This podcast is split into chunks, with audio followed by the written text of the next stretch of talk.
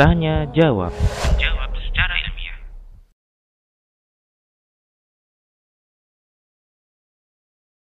Jadi eh, yang pertama kita ingin eh, tegaskan bahwa antara surga dan neraka, antara surga dan neraka di saat kita ingin mendidik seorang anak didik, ima anak kita atau yang lainnya, ya dalam kehidupan dunia ini, maka yang harus diberatkan terlebih dahulu adalah neraka.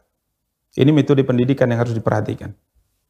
Ya, karenanya para ulama tatkala membahas tentang al-khauf raja, rasa takut dari neraka Allah, rasa harap dari surga Allah dengan surga Allah Subhanahu wa taala, maka rasa takut ini timbul karena kita tahu neraka itu bagaimana.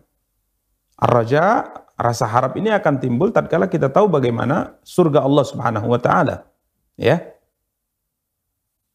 Maka dalam kondisi kita sehat walafiat sebagaimana saat ini, yang harus diberatkan ya, yang harus dikuatkan itu adalah rasa takut. Bukan rasa harap. Sekalipun rasa harap itu tetap harus ada. Karena dia merupakan motor penggerak untuk beramal saleh. Tapi di saat kita sehat walafiat, para umahat yang dimuliakan dan dirahmati oleh Allah, yang harus kita titik beratkan pembinaan hati kita adalah rasa takut. Ya, maka banyak. Silahkan baca tentang neraka dan sebagainya. Karena ini yang diingatkan oleh para ulama. Karena orang kalau dalam kondisi sehat walafiat, dia titik beratkan pengetahuannya tentang raja, tentang surga Allah SWT, maka dia menjadi orang yang meremehkan dosa. Ya, meremehkan dosa. Seperti misalnya berbicara tentang uh, orang yang yang yang beriman, ya sekalipun dosanya banyak tatkala ditimbang uh, kebaikan dan keburukannya, kalau seandainya kebaikannya lebih berat sekalipun dosanya banyak, tapi tetap lebih menang adalah amal kebaikannya, maka Allah akan masukkan ia ke dalam surga yang seperti ini, seperti ini, sebagainya. Maka orang ini akan malas beribadah. Ya, orang ini tidak termotivasi untuk menjauhi maksiat. Dia berpikir, wah surga luar biasa. Dan sebagainya, dalam kondisi sehat. Makanya dalam kondisi sehat, para ulama katakan, titik beratkan pendidikan tentang neraka. Rasa takut itu yang dibesarkan. Ya, rasa takut yang dibesarkan. Bukan yang dibesarkan rasa rasa harap.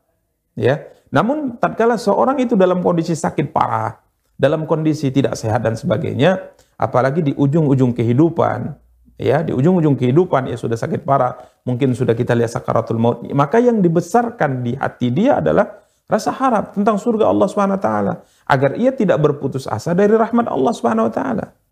Ya, agar ia tidak berputus asa dari rahmat Allah. Maka ceritakan kepadanya surga, sampaikan kepadanya surga agar tidak berputus asa. Orang-orang yang mungkin ingin taubat, ya sudah banyak melakukan maksiat dan dosa, mungkin dia merasa dosanya tidak diampuni oleh Allah, maka ceritakan surga kepada mereka. Ceritakan rahmat Allah dan ridha Allah kepada mereka. Sehingga rasa putus asa itu hilang dari dada mereka. Tapi bagi yang sehat, jangan. Ya, benar harus ada khauf dan roja. Akan tapi lebih dititik beratkan adalah tentang neraka Allah sehingga ia merasa takut.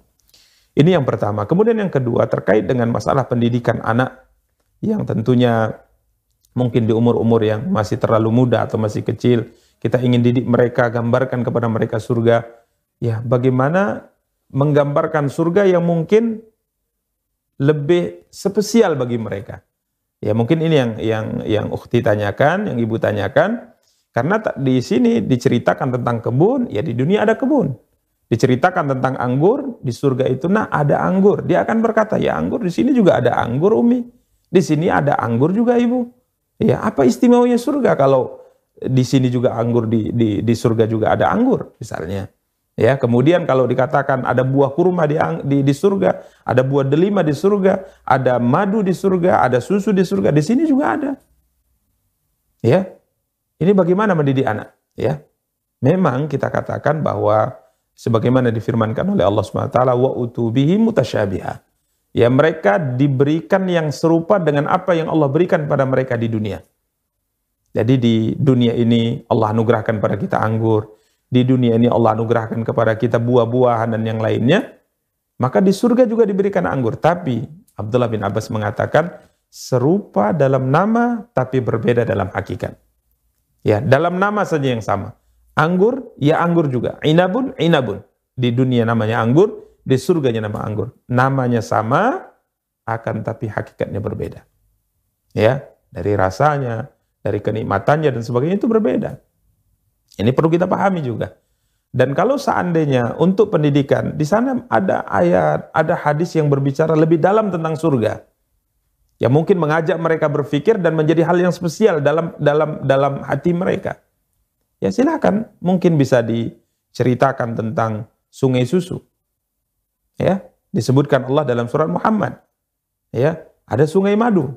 Ini untuk me me menggerakkan imajinasi mereka agar mereka berpikir surga itu istimewa gitu. Ini yang mungkin uh, ibu inginkan, ukhti inginkan, ya gerakkan dengan ini. Mungkin ayat yang berbicara tentang anggur ini tidak sesuai untuk memotivasi mereka, carilah ayat-ayat yang lain. Banyak sekali. Sebagaimana saya sebutkan tadi, ceritalah tentang sungai susu yang tidak terbayangkan oleh mereka. Ceritalah tentang sungai khamr, ceritalah tentang sungai madu, ya. Ceritakan kepada mereka. Ya, kemudian ceritakan hadis sangat banyak. Ya, hadis sangat banyak di mana disebutkan ada satu pohon di surga yang tatkala kita berjalan di bawah naungan pohon ini, di bawah naungan pohon ini sekian puluh tahun kita berjalan di bawah naungan sampai di ujungnya, ya, di ujungnya sekian puluh tahun baru sampai ke ujung. Artinya pohonnya sangat besar, ya, pohonnya sangat sangat besar. Kemudian ceritakan bahwa Eh, buah-buah surga ini sekalipun anggur ya sekalipun uh, delima sekalipun apel sekalipun kurma akan tapi kita diberikan oleh Allah dengan buah ini tidak seperti diberikannya di dunia. Tatkala kita uh, ingin anggur misalnya maka kita akan menjulurkan tangan kita atau berjalan mendekati anggur tadi berbeda dengan surga. Ceritakan kepada mereka banyak sekali yang seperti ini para ummahat yang dimuliakan dan dirahmati oleh Allah. Tatkala kita sedang duduk di atas dipan-dipan kita, di atas tempat-tempat tidur kita, maka tatkala kita ingin makan apel, ingin makan anggur, maka pohon apel itu diceritakan oleh para ulama dalam tafsir, tafsir mereka, pohon apel itu yang mendekat ke kita seakan-akan dia yang menjulurkan buahnya ke kita sehingga kita tidak perlu turun, kita tidak tidak perlu susah untuk mendapatkan buah-buah tadi. Jadi bisa ya ceritakan saja banyak banyak ayat dalam dalam eh, dalam hal yang seperti ini yang bisa membuat mereka berpikir bahwa surga itu sekalipun namanya sama tapi hakikatnya ber, berbeda banyak sekali. Hanya saja mungkin butuh uh, pengetahuan yang lebih luas terkait dengan nikmat-nikmat yang Allah SWT anugerahkan kepada kepada penduduk surga di dalam surga Allah Subhanahu wa taala. Butuh mungkin membaca ayat-ayat yang lain, membaca tafsir-tafsir yang lain atau membaca hadis-hadis Nabi SAW yang bercerita tentang ini sehingga benar-benar menurut mereka surga itu adalah hal yang yang istimewa wallahu taala alam.